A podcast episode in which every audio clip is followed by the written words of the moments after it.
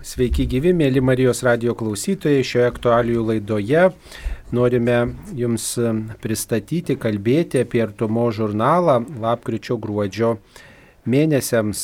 Štai artumo žurnalas jau kuris laikas eina, galima sakyti, sudvejintas pasirodantis numeris skirtas dviems mėnesiams. Tai žurnalas šeimai ir visiems ieškantiems Dievo bei žmonių artumos.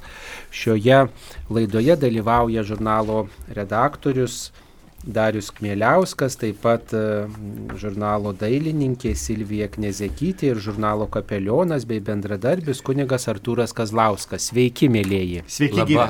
Sveiki. Taigi, e, lapkričio ir gruodžio numeris artumos numeris, kuo jis ypatingas, kaip mes galėtume jį pristatyti, kokia tema yra toji, kuri tarsi vinis, tarsi siūlas, vienijanti visus, nu, visus straipsnius, visas idėjas. Ačiū kunigė Sauliau už pakvietimą, nes iš tiesų toksai šitas ir baigiamasis mūsų metų numeris. Ir sėkiu galim net ir tam tikrą ne padaryti tokią ir, ir, ir metų apžvalgėlę, kaip, kaip čia sekėsi, nes kaip ir paminėjai, kad nuo to pavasario, kaip ir visiems Lietuvoje pasikeitė mums gyvenimas. Ir reagavom į tą situaciją ir, ir kada užsidarė didžioji dauguma ar ne tų vietų, per kurias mes pasiekėm savo skaitytojus, tai yra bažnyčios, parapijos, bendruomenės, tai tuomet ir mes turėjom karantinuotis ir, ir nuo tada pabandėm tada pasiekti savo skaitytoją kas, kas antrą mėnesį, tai yra tokiais su, su dvigubintais numeriais. Ir štai šitas yra paskutinis, paskutinis ir šita galbūt prasme, na, šiek tiek turėtų būti ir vainikuojantis metus, ar ne, kaip, kaip į pabaigą metų, tai vis tiek tokie apibendrinimai būna. Tai mes čia didžiulių metų apibendrinimų nedarėm, bet e, kadangi šiemet buvom pasirinkę tokią, na, sakytum, ir labai natūralią, ir, ir labai, ir gal šiek tiek keistą temą, na, tokiai komunikacijai ir žiniasklaidai, kalbėti apie mus ir bažnyčią.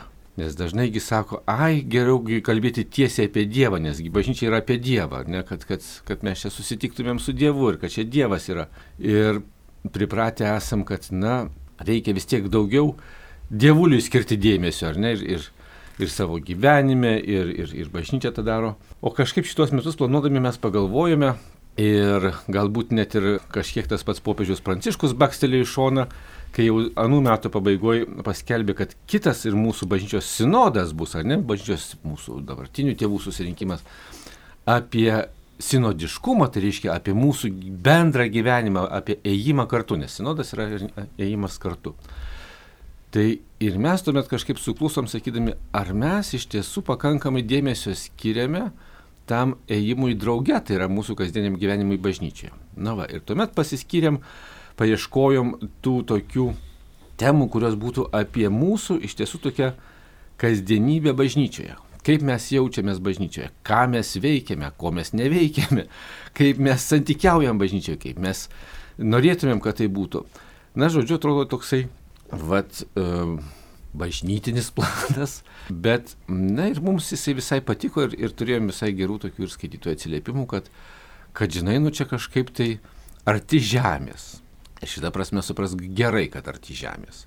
Nes supras, kad arti dangaus, tai kaip būna galbūt arti Dievo arba nežinau, tokie, tokie labai svajingi arba gilus tekstai gal žmonėms ne tai, bet, bet kai jie pajunta tą tokią realybę arti žemės, tai, tai ir, ir mums e, pasirodė tas irgi visai įdomu na, prisiliesti kartais prie sunkių, skaudžių temų, nes jos arti žemės, bet na, jos yra realios.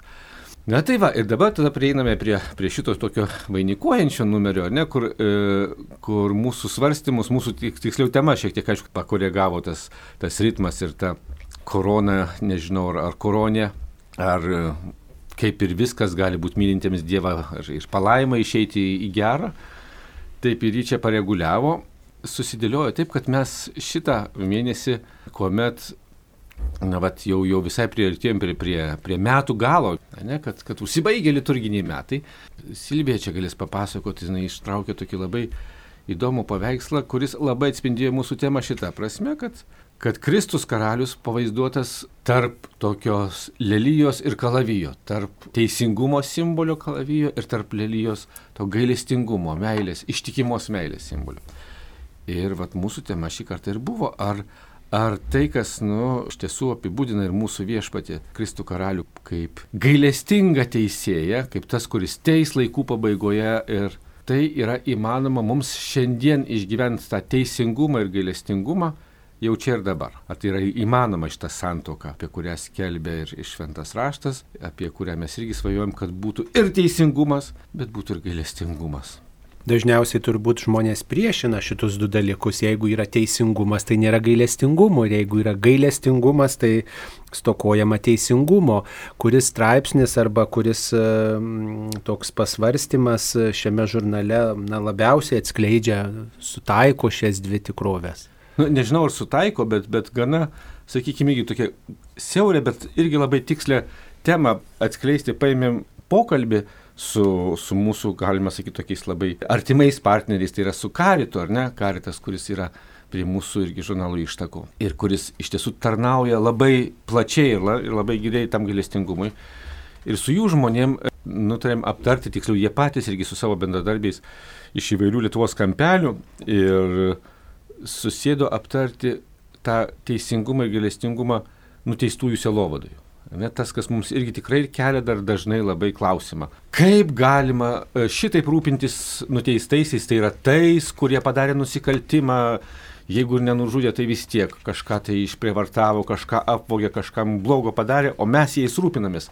Ir dar daugiau, ar ne, mes rūpinamės, kad jie būtų, turėtų geras sąlygas. Dar daugiau eina kažkokie tai savanoriai, karitiečiai, rūpinasi, kad tik jie gerai paskui išeitų į laisvę, jiems pasisektų gyvenime. Kaip šitaip galima E, na, tokį gailestingumą rodyti tiems, kurie labiausiai nusipelnė teisingumo, kurios reikia bausti, bausti ir bausti. Pasirodo, ta tema ir, ir vat, prie 30 laisvės metų dar tikrai na, aktuali ir skaudi ir kalba ir pasauliečiai, ir kalba ir dvasininkai, kurie vaikšto į uh, įkalinimo įstaigas ir, ir selovada rūpinasi.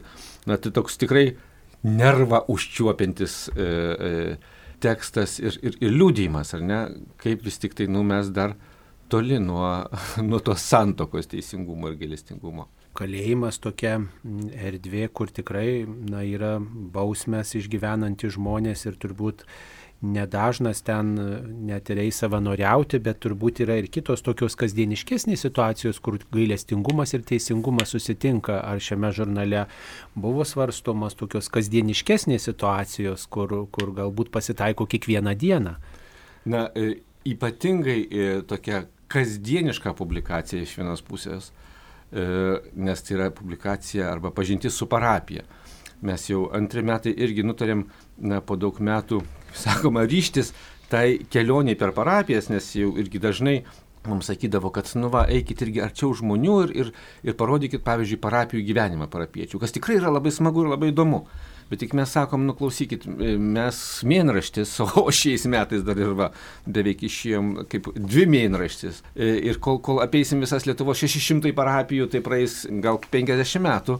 Ir dėl to nedarydavom, bet vis tiek pasiryžom, nu kažkaip tai nusileisti arčiau tų žmonių ir, ir pakeliaujam po tas parapijas. Tas, aišku, tiesą sakant, apskliaustelių irgi iššaukė tam tikrų nuogastavimų, nes Nes tuomet irgi neteisingumo arba negailestingumo klausimas, o kodėl nuvažiavote šitą parapiją kalbėtis, o kodėl ne viena, o gal ten yra prastesni klebonai, kunigai, kad nenuvažiavote ten geresni. Nu, žodžiu, tai čia irgi šito gailestingumo ir teisingumo.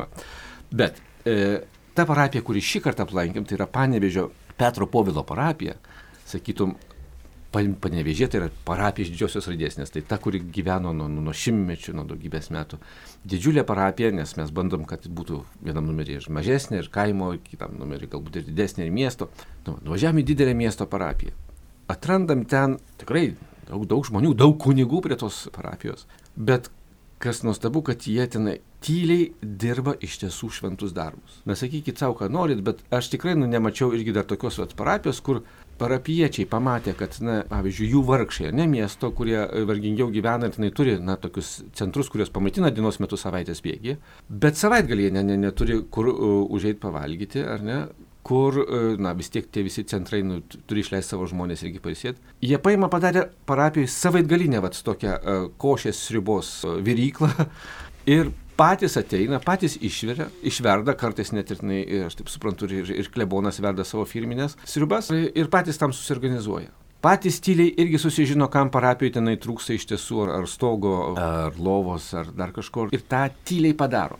Greta to, kas mane irgi labai labai nu, nustebino ir pritenkė, kad jie dabar tvarko ir tą akmeninę bažnyčią, ir baigia jau tvarkyti akmeninę bažnyčią, e, ir sugeba visiškai, kaip sakoma, žmonių lėšomis, nevaldiškais pinigais, suremontuoti didžiulę bažnyčią iki, iki kaip sakoma, altorių auksavimo, iki, iki grindų šiltinimo. Sako, nu gal jau ir milijonas, nei tai koks nors sudėtas. Ir visą tai patys žmonės suneša ir patys žmonės tai paukoja be, be jokios valdžiukės pagalbos. Na, tai mes tikrai sakom, čia yra dideli stebuklai tokioj tylioj parapijoj, kur nu, negirdėsi nei fanfarų, nei kažkokių tai. Ir, ir ačiū Dievui, ir aišku, mes irgi tuomet kukliai, nu, bet galvojam, ar čia mes jiems pakišam, nu, bet tokio, kaip sakoma, nu, ir, ir blogą liūdimą, kad, kad išviešinam ten jų vieną kitą gerą darbą, bet nutilėti apie tai neįmanoma, ar ne? Ir čia vat tokia bendruomenė, nu, man atrodo, labai smarkiai liūdija tą vis tik tai įmanoma gailestingumo ir teisingumo santoką tam gyvenime. Ne, nesakau, kad ne viskas yra tobulą, nesakau, kad yra nuostabu, bet net ir pavyzdžiui, tenai, nu, man atrodo labai gražus ir, ir kunigų gyvenimas toj parapijoje, nes yra didžiulė klebonija yra, ir yra daug kunigų, kurios klebonas irgi sugeba na, burti tam tikrą bendruomenę. Jie ten renkasi kartu ir, ir, ir pasimelsti, ir, ir, ir pareigom pasidalinti, ir, ir, ir, ir pavalgyti, ir, ir visi kaip žmonės su, savo iššūkiais, su savo problemom, su savo sunkumais, bet irgi gyvena tam tikroj vat, na, bendrystėje. Tas, tas irgi man buvo labai žavinga klausimas būtų visiems laidos dalyviams. Vartant katalikišką spaudą kartais atrodo toks gyvenimas sušukuotas yra štai viskas taip, kaip turi būti, rašoma pagal bažnyčios mokymą, galbūt viena kita tema tokia aštresnė, bet dažniausiai ta tema taip labai švelniai nuglostoma. Ar yra šiame numeryje ta tokia razinka, kuri patrauktų dėmesį, kuri būtų tokia truputį aštroka ir kaip jūs štai priimate tas aštresnės temas šiame žurnale? Žurnale. Na, aš bijau čia užimti visą eterį, tai tuoj nu, kunigė Sauliu perduokit klaus, klausimų ir, ir užduočių Silvijai su Artūru. Tai viena iš tų razinkų aš tikrai pasakyčiau, kad na, jinai nėra labai nesušukuota, nėra labai skaudi, bet unikali mano supratimu ir tema, ir pats opusas, kurį kunigas Artūras atliko su savo broliais kunigais. Juos pakalbino tik kunigiškoj bendryjoj, kaip jie gyvena kunigai. Nes mes sakom, na, mes bandom suprasti per visus šitos metus savo kaip, kaip, kaip bažnyčios narių vietą e, bažnyčioje, savo pareigas, savo gyvenimą, savo galimybės, tai turim suprasti, o kaip gyvena kunigai, kaip jie jaučiasi, kaip jie mato. Ir kai juos nueini kalbinti, tai jie vienaip kalba, bet sakom, nu pasikalbėkit broliai tarpusavį, gal mes geriau jūs išgirsim ir pažinsim. Ir Kun... tą nuostabiai atliko Artūras. Kunigė Artūrai, ar buvo lengva sukviesti brolius kunigus prie diktofono? Iš tiesų, ne, jau seniai šitą idėją buvo mūsų kurso šiemet susitikimas 30 metų stojimo į kunigų seminariją proga. Aš galvoju, ten pagausiu ir, ir ten pasišnekėsim keliese. Paskui dar buvo idėja, o tie, kurie išėjo, galbūt norėtų irgi kalbėtis. Reiškia, tai ta idėja jau buvo seniai ir, ir jinai brendo turbūt ir galiausiai čia visai neseniai mes penkiese, šešiese, dabar net neprisimenu keliese, mes ten susitikom, tiesiog specialiai suskambinau ir pakviečiau į, į pokalbį. Kai kurie net važiavo dėl to, kad pareigos tą valandą, kai buvo kviesta, juos sutrukdė, kai kurie nelabai noriai kalbėjo artumai, dėl to, kad artuma ne, jų nežavi, bet galiausiai mes iš tiesų susitikom pasikalbėti apie tai, kas mums rūpėtų ir turėjom labai labai daug klausimų. Ir iš tiesų mes palėtėm tik tai tokią įžanginę temą apie tai, kaip mes paprasčiausiai jaučiamės ir kuo gyvenam ir kaip, kaip mums ta pašaukimas atsirado, kas liūdniausia kunigystė. Ir mes neįsėmėm ten, mes turėjom paliesti ir skaudesnės temas, ir, ir, ir temas, kurios nepopuliarios, ir temas, kurios gal norima nutylėti ir apie kurias nekalbėti, bet tiesiog nespėjom. Bet pabaigę štai šitą pokalbį mes sakom, O žinai, o buvo labai įdomu mums patiems, dėl to, kad paprastai mes apie tai nešnekam. Mes šnekam apie tai, kaip kur geriau nusi, nupirkti statybinių medžiagų, arba koks vyskupas prastas, arba kaip jis neteisingai čia pasielgė, arba kaip e, trūksta pinigų, arba kur geresnį automobilį gauti. Tai kalbamasi visai kitom temom, o štai kunigai sugebėjo kalbėtis grinai apie savo pašaukimą, apie tai, kas jie yra ir kaip jie jaučiasi. Ir toks turbūt sunkiausias ir labiausiai mus visus nustebinęs klausimas, tai buvo tas paskutinis man netyčia kilęs į galvą. Nu dabar jūs visi, vieni 26 metus, pavyzdžiui, aš e, tarnauju, e, visi kiti daug mažiau ten, ten esantys tarnauja. Kaip apibrėžtumėt, kas yra kunigas, kas yra kunigystė? Atrodo, kad tai yra labai paprasta, žinai, aš kunigas, kas tu esi? Kaip tu jautiesi, kaip tu išgyveni kunigystę. Apibrėžk trumpai.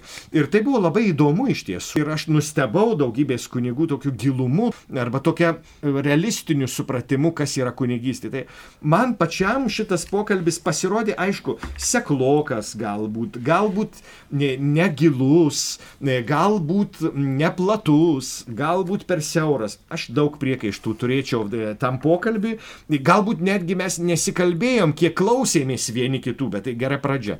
Bet iš tiesų aš nemanau, kad mano broliai, su kuriais mes čia kalbėjomės, nesutiks kalbėtis ir toliau. Tai kuo išvirsva šitas formėlis, galbūt mes galėsim vėliau įvertinti, o galbūt tai, tai kažkokio kalbėjimosi pradžia.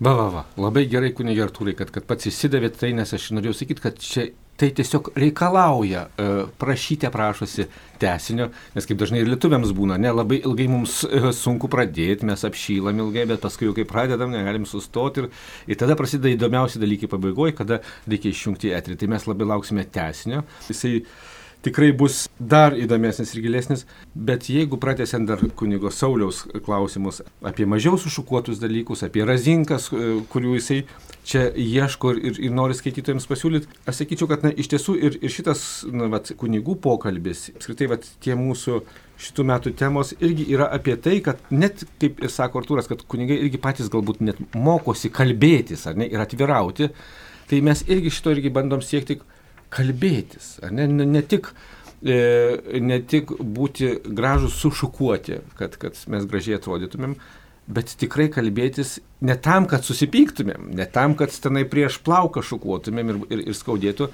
bet tam, kad suprastumėm geriau vienas kitą, tam, kad geriau e, na, pažintumėm tikrovę, kurioje gyvenam, tai tuomet žinotumėm, na, vat, ką reikia joje daryti. Ir vieni iš tokių, irgi galbūt tokių netikėtų ir šiek tiek širkštesnių e, gaidų galima atrasti. Tai pavyzdžiui, gerai žinomas ir Marijos radijos klausytojams autorės ir, ir šiaip daktarės Nijolės Liobikinės paprašėm prisiliesti prie skaudžios temos ir plačios temos apie smurtą ir apie smurtą bažnyčioje. Ir ne tik dėl to, kad, kad na, netyla pasaulyje, net ir iki Lietuvos e, ateina arba iškyla tie tokio, sakytum, smurto bažnyčioje ir, ir, ir tam tarp ir seksualinio, ar ne, e, atvejai, bet pasižiūrėti, na, kaip iš tiesų, ar, ar, ar tie smurto atvejai yra vien tik tai, na, vat, tie kriminaliniai, ar ne, vien tik tai tie garsieji, kur prasideda tas smurtas. Nijolė Liobekinė šitam e, tekste apie smurtą bažnyčioje, jinai, jinai pradeda irgi, sakytum, iš toli, ar ne, aptart, kur yra tos užuomasgos smurto. Kad, kad tai toli gražu nėra vien tik tai tie regimi ir atviri nusikaltimai, kurias mes pamatom. Apie juos taip pat reikia kalbėti ir, ir jinai pažadėjo, kad ir apie juos kalbėsimės.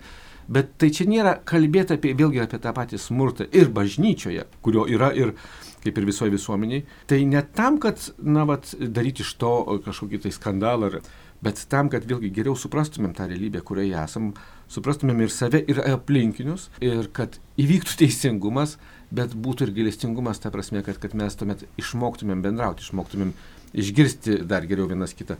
Tai pavadinčiau tokiu nesušukuotu tekstu, Kaip galbūt irgi vat, prie tos kategorijos būtų galima priskirti irgi tenai mūsų pasvarstymus apie tai, vat, ką, ką mes irgi, žinai, pradėjom su, su kunigais kalbėti, ar ne, kaip, kaip svarbu vėlgi ir kunigai išgirsti, ir kaip svarbu norint gyventi bažnyčioje, tuomet bendradarbiauti su kunigu. Mes irgi galėtumėm įstraukti tą gyvenimą ir kaip svarbu paties kunigo laikysena, jo formacija, jo ugdymas. Tai vienas labai gražus irgi dalykas, kuris išlindo per tą patį pokalbį su Panevežio Petru ir Povilo parapijos. Klausim, na kaip tas kunigas, nu kodėl jūs klebonė toks, na, bet jau tikrai irgi ne, nemažai metų tarnaujate ir turite jėgų. Ir... O jis pasirodo, ai, sako, žinai, aš kaip po šabo metų grįžau, tai man kažkaip naujas kvepavimas, naujas gyvenimas. Kas? Po šabo metų? Ir vėl tokia nauja, labai svarbi, man atrodo, tema. Šabo metai, kurie mažai girdėti dar Lietuvoje, kurie ir kunigams, ir galbūt ne kunigams irgi būtų labai vertingi žinoti kad tai gali atsitikti tavo gyvenime. Tai greta to irgi vat, paliečiam tą temą, na, o kaip uh, ugdomi kunigai, kaip, kaip ugdomi seminaristai. Jo labiau, kad mes žinom, kad vyksta Lietuvoje irgi ta seminarijų vadinama reforma. Kad, na, tam tikras naujas gyvenimas, naujas etapas prasideda ir čia. Ir pasižiūrim irgi į, į, į patirtį kitų, nežinau, man labai patinka kitiems mūsų redakcijos aplinkoje ir gaunam patvirtinimą, kad tai tikrai įdomus tekstai, tai yra tokių Amerikos jezuitų, nu, taip jis ir vadinasi tas jezuitų žurnalas arba net ir visas toksai portalas Amerika. E, bet, bet jis tikrai, na, jezuitiškas, prasme, labai bažnytiškas, labai drasus. Ir jie irgi aptarinėja seminarijų reformas, kurios dabar vyksta Amerikoje ir kurios, na, mums pasirodė net ne taip toli nuo mūsų realybių. Ir pabandėm irgi vat, pažiūrėti į jų patirtį, klausti apie mūsų patirtį. Ar viskas čia irgi yra taip, kad tie žmonės, kurie šiandien ugdomi, ar ne, kurie šiandien rūpinamasi, ateis ryt po ryt tarnauti. Ir ar mums yra visiškai tas pats, kaip, kaip, kaip pasauliečiams, kaip katalikams, kas vyksta ne, su, ta formacija. Ar mes neturim irgi na, vat, kažkaip žinoti ir tuo rūpintis, ar tai yra tik tai pačių dvasininkų reikalas. Labai įdomu, pavyzdžiui, kad, kad tie Amerikos jezuitai sako, klausykit, čia yra taip svarbu, kad tie kunigai, kurie, vat, kaip ir šitas panevežio klebonas, arba bet kuris kitas normalus klebonas, jisai labai rūpinasi bendruomenė, su kuria jisai dirba, ne? nes jis tiesiog bendrauja, jis gyvena, kvepuoja su ją tiesą sakant, jisai susituokia su ją, nes tai yra jo sužadėtinė, su kurią jis atiduoda savo gyvenimą, ta, ta bažnyčia ir konkreti parapija. Tai jis turi, sako, nuo pat seminarijos dienų iš tiesų būti labai arti bendruomenės, labai arti būti tų žmonių, su kuriais jis bendradarbiaus ir kuriems jisai tarnaus. Nu, tai čia bet yra didysis paradoksas jau svarstomas turbūt daugybę metų, kad E, tas būsimas kunigas turi būti kuo arčiau bendruomenės, kuriai jisai tarnaus, tačiau šešerius metus jis yra toli nuo tos bendruomenės ir akademinio lygio auga ir, ir dvasinių lygių tarsi turėtų aukti, yra visai. Tai va šitie jezuitai Amerikos drąsiai ir klausia, sako, ar čia tikrai yra viskas su tuo gerai? Sako, Na, tai, galbūt tikrai reikia kažką keisti gerokai radikaliau, negu mes keičiame. Taip, tikriausiai reikės iš principo peržiūrėti būsimųjų kunigų rengimą. Kunigė Artūrai norėjau staptelti kilti ties jūsų straipsnių, kad adventas būtų adventu. Atrodo jau tiek metų nepriklausomos Lietuvos ir tiek metų mes linksniuojam, kas yra adventas, ar vis dar reikia pristatinėti tą adventą, kas jis yra, ar dar katalikai nežino, nesupranta, kaip išvesti ir kokie tie advento simboliai, kaip jums pasirodė. Šiais metais iš, iš tiesų e, tas adventas mums yra ypatingas tuo, kad mes gyvenam e, pandemijos laikotarpį ir aišku, kad dar kaip straipsnis buvo ruošiamas, o iš tikrųjų mes nežinome, kuo toliau visą tai baigsis. Gali būti bažnyčių durys uždarytos, kaip jau buvo mišioms ir, ir visoms šventėms, tai, tai mes taip ir liktume prie internetinių mišių, kurios iš tiesų abejotinos vertės ir reikalo. Štai pasižiūrėti iš tikrųjų, kas, kas tas adventas yra. Mes kalbėdami su bažnyčios tarnautojais ir, ir kalbėdamiesi apie prakartėlės įrengimą, kaip ir kasmet prieš besiruošiant didžiai kalėdų šventė, mes skaitėm popiežiaus pranciškaus laišką, kurį jis pernai parašė apie prakartėlės simbolius ir ką tai reiškia, ir tą pastoracinę naudą prakartėlių. Kai baigėm skaityti tą laišką, sako, taigi mes pernai jau jį skaitėm bet viską pamiršom absoliučiai. Reiškia, tarsi naujai mes viską perskaitėm. Tai daugybę kartų tas, tas aš pavyzdžiui, šiemet rengdamas tą artumai specialiai adventui skirtą straipsnį, iš tikrųjų daugybę dalykų pats permaščiau iš naujo ir tikrai neprisimenu, kad kada nors apie tai kalbėjęs buvau. Tai e, repeticijo mater studiorum kažkas tai yra seniai pasakęs, lotiniška, kartojimas mokslų motina. Tai, tai iš tiesų tas pakartoti vėl iš naujo neprošal. Bet šių metų tas pandemijos laikas, kaip išgyventi adventą, kai daugybė draudimų, kai daugybė negalimų e, dalykų, kas paprastai įprasta mums būdavo mūsų aplinkoje. Tai, tai štai ir, ir pabandyta pasižiūrėti, iš, būtent iš šitos perspektyvos, kaip gyventi gyventi pandemijos sąlygomis adventą. Kas tai yra iš esmės? Mes sakom, kad tai susitikimas su Kristumi. Mes sakom laukimas, bet iš tiesų tai yra ateimas. Reiškia tas Kristaus ateimo pajutimas, tas Kristaus buvimo šalia pajutimas. Ir aišku, ypatingai per tą veidą, per tą ikoną, kuri vadinama per mergelę Mariją. Jeigu mes turim spalį, rožinio mėnesį, gegužę, litanijų mėnesį, nors pavyzdžiui kokia nors Italija niekada negėda litanijos, bet kalba rožinį gegužės mėnesį. Tai čia mūsų Lietuvoje taip susiklostė štai tos tradicijos ir sakom, kad tai Marijos mėnesiai. Tai ypatingas Marijos mėnuo arba ypatingas Marijos laikas yra Adventas, kuriuo metu mes matom tą moterį, kuri iš tikrųjų nešiojasi Dievą ir kuri pagimdys Dievą, kurio štai šventė. Mes per Kalėdas ir švenčiam jo gimtadienį. Žvilgsnis į būtent į tai. Ir aišku, štai tas turbūt kvietimas vienas didžiausių. Jeigu mes esam įpratę jau dabar per praėjusią pandemijos karantininį laiką stebėti mišes per internetinius puslapius. Ir mano dėstytojai, ir mano profesūra, ir, ir daugybė teologų sako, žinai, stebėti mišes ar klausytis mišes per radiją yra per mažai krikščionių. Ir yra netaip vertinga, kaip pakviesti ką nors sukalbėti tėvę mūsų maldą. Reiškia, kai tu esi kartu su kitu maldoje, yra prasmingiau ir daugiau krikščioniška nei tik žiūrėti kažkokią tai transliaciją, kuri yra, na, kartais labai pasyvi, kartais iš tiesų dėl varnelės, kaip mes jį vardintume. Bet štai kartu su kitu išgyventi tą maldą, tai ir yra bažnyčia, kur du ar trys susirenka mano vardu, ten aš esu tarp jų.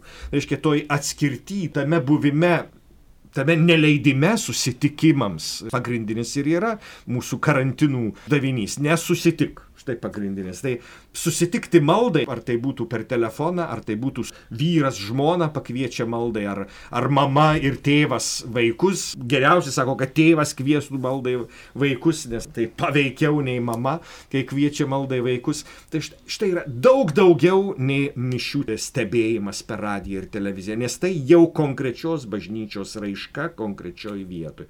Dar prisiminus, kad mūsų namai yra pirmosios ir svarbiausios bažnyčios. Bet gal tai gailestingumo darbas, transliacija mišių daugeliu žmonių, kurie neturi galimybės fiziškai dalyvauti, net ir labai norėdami šventose mišiuose gyvai. Tai Tai būdu... nekvestionuojama niekaip. Bet tai, ką girdim irgi iš kunigų, ar ne, ypač po, po karantininio, po pandeminio laikotarpio, ar ne, kad, kaži, ar tikrai sugrįžo tie, kurie galėtų sugrįžti, mm. ar neįsipatogino per daug prie radijos, televizoriaus ir Nes kompiuteriaus. šiandien mes irgi turim pasakyti, kad bažnyčios atviros ir mišios vyksta. Ir mišiose laukiami visi, kurie nejaučia peršalimo simptomų.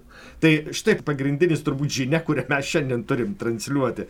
Bažnyčioje laukiami visi nejaučiantys simptomų. Ir aišku, laikantis dviejų metrų atstumo ir aišku, dėvint kaukas. Viskas. Nes kai kam atrodo, kad pavojinga eiti į mišes, nes gali užsikrėsti. Tai mes sakom, palaukit. Ne, apsirūpinkit apsauginiam priemonėm ir pirminį bažnyčią visi nejaučiantys peršalimo simptomų. Erdvios bažnyčios tikrai saugi vieta, jeigu einam į parduotuvės apsipirkti, tai į bažnyčią tu Tikrai labiau taip. turėtume šventadienį eiti, e, ugdyti savo tikėjimą, net ir to karantino metu. Mėla Silvija, klausimas jums. Jūs esate šio žurnalo dailininkė, rūpinatės tokiu vaizdiniu šio žurnalo apipavydalinimu, o štai kuris straipsnis iš šio žurnalo, iš šio numerio jums krenta tiesiai į širdį, kuris jums atrodo e, svarbus, kurį perskaitėt su didžiausiu tokiu pamėgimu. Jau prieš mane kalbėję papasakojo beveik apie viską, kas įdomiausia. Galbūt man reikėtų parodyti tokius gal ne tiek teminius, kiek atokvėpiui skirtus tekstus, kurie tiesiog šiaip žmogaus... Aš pati mėgstu labai skaityti. Mėgstu skaityti nebūtinai aktualijas, bet ir šiaip kažką. Dėl to yra, artumai mes visą laiką turime tekstų, kurie yra akiračių praplėtimui, atokvėpio pasiskaitim. Tai aš labai džiaugiuosi, kad mes taip po truputį dedam e, čekų teologo, kunigo Tomašo Haliko knygą. Šitas teologas gal kartais kitiems atrodo ir sunkokai skaitomas ir suprantamas, bet jeigu pabandžius perskaityti, jisai truputėlį kitaip parodo tą mūsų tikėjimą Jėzų, jo čia šiuo atveju jo mirtį ir prisikėlimą, kitokiais žodžiais, kurie galbūt mano galva labiau prakalba šiandieną. Jie nėra įprastinė teologija, kuri mes pripratę, kai visą laiką kunigai parapijose pamokslauja arba skaitome visokiose knygose, jisai truputėlį aštriau iš tos tokios su ateistintos Čekijos pusės aštresniais žodžiais aštriau pasako. Nesušukuotai, kaip sakoma. Nu, labai, nesušuku, labai nesušukuotai, bet iš tiesų tas truputėlį supurto, supurto širdį ir padeda kitaip pažvelgti tą mūsų, kitas iki jau apsitrynus ir įprastą Kristų.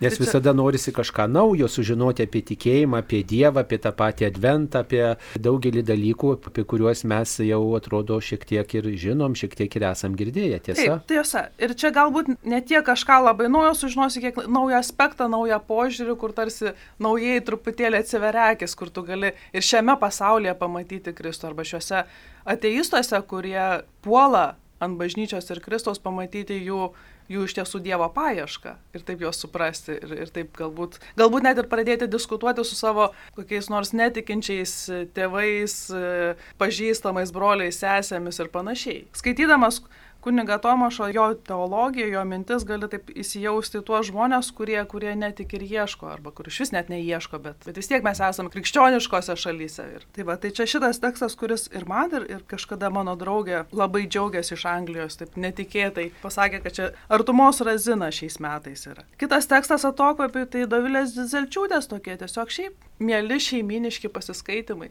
Aišku, man jie labai smagu, nes aš pati juos iliustruoju. Ir dar vis tiek tai žinom, kad, kad na, tai yra tikrai tokia tikros šeimos ir, gana žinomos šeimos, jos kaip rašytojos ir poetės, ir, jos vaikų, ir, ir, ir jos vyro, kuris irgi buvo garsus satyrikas, rašytojas, vertėjas Jurgis Gimberis. Tai, na, tokia labai, sikiu, ir dokumentika, ir publicistika, ir, ir tokia eseistika labai šilta miela.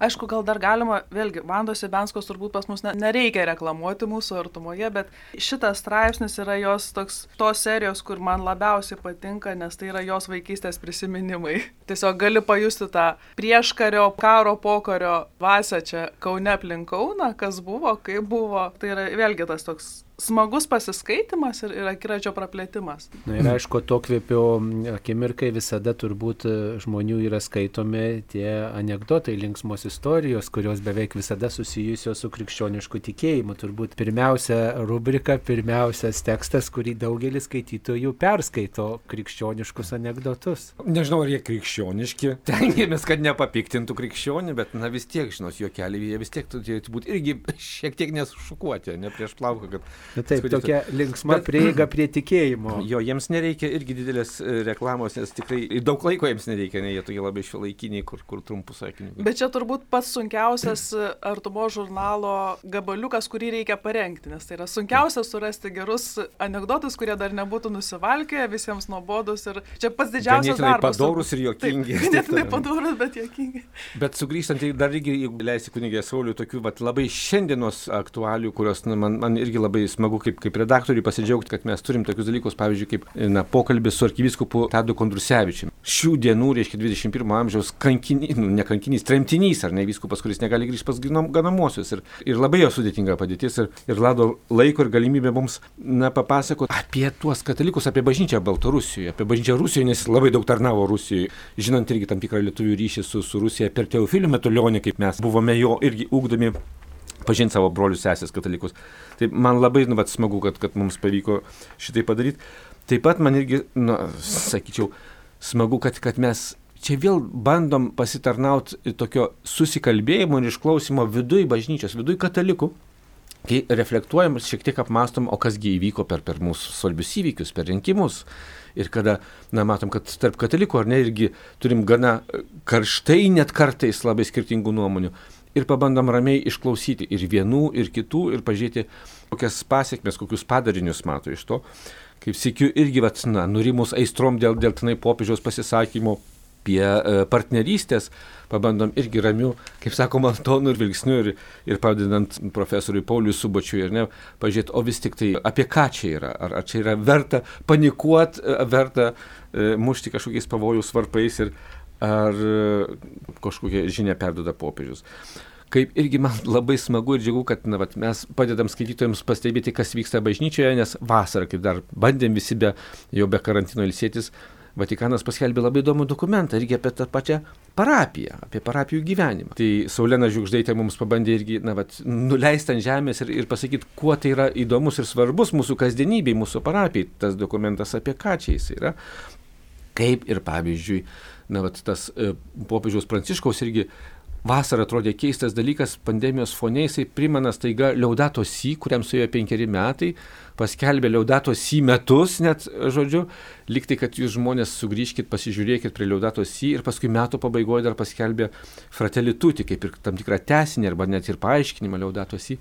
Tai mes irgi bandydami tai įsižiūrėti ir, ir atliepti, paprašėm vienos šeimos, kuri irgi, na, katalikai, bet, bet gyvenantis, sakytume, bet ta tikrai liaudatos įdvase, kad jie irgi labai žemai pasižiūrėtų, kaip, kaip kasdienybė, kaip jų šeimoje, kaip jų namuose sekasi gyventi, e, na, irgi, va, ta tokia taupė, tvarė, e, net nesakau ekologiška, nes čia irgi tam tikras sumaištis gali būti. Žmonės įsivaizduoja, kad liaudatos įtai yra apie ekologiją, kad yra ekologinė enciklika, nes turbūt dėl to popiežius ir pakvietė ją iš naujo galbūt pažiūrėti po penkerių metų, kad mes ją nelabai išgirdom, kad tai nėra ekologijos kažkokie tai vad madingi klausimai, bet tai yra giliai žmogaus orumo ir kūrinijos vertės limas ir priminimas ir ką jisai paskui daro toliau su fratelituti ir sikiu galiu nu, vat, tuo pačiu išduoti, kad, kad mes bandysim toliau irgi šitai plėtoti ir likti prie šitų temų, kur mus popiežius kviečia ateinančiais metais. Pažiūrėtumėm į tą savo žemę ir į žmogų tuo rakursu, kurį kviečia popiežius pasižiūrėti ne, ir per liaudatos ir per fratelitutį. Kągi, žurnalas Toras yra skaityti ką kiekvieną advento dieną, vieną advento vakarą, artumo žurnalas, lapkričio gruodžio mėnesiams ir jo tema gailestingumas ir teisingumas. Ne tik tai tiesiogiai svarsto šias temas, bet ir įvairius e, autorius pasitelkia tam, kad įvairiais rakursais svarstytų mums šias svarbes gyvenime temas. Šioje laidoje dalyvavo, mėly Marijos radio klausytojai, Artumos redaktorius Darius Kumieliauskas, dailininkė Silvija Knezekytė ir taip pat Artumos kapelionas bei žurnalo bendradarbis kunigas Tūras Kazlauskas. Laidą vedžiau aš, kunigas Saulis Bužauskas. Visiems linkiu Dievo ir žmonių artumos. Ačiū sudė. Ačiū su Dievu. Ačiū sudė.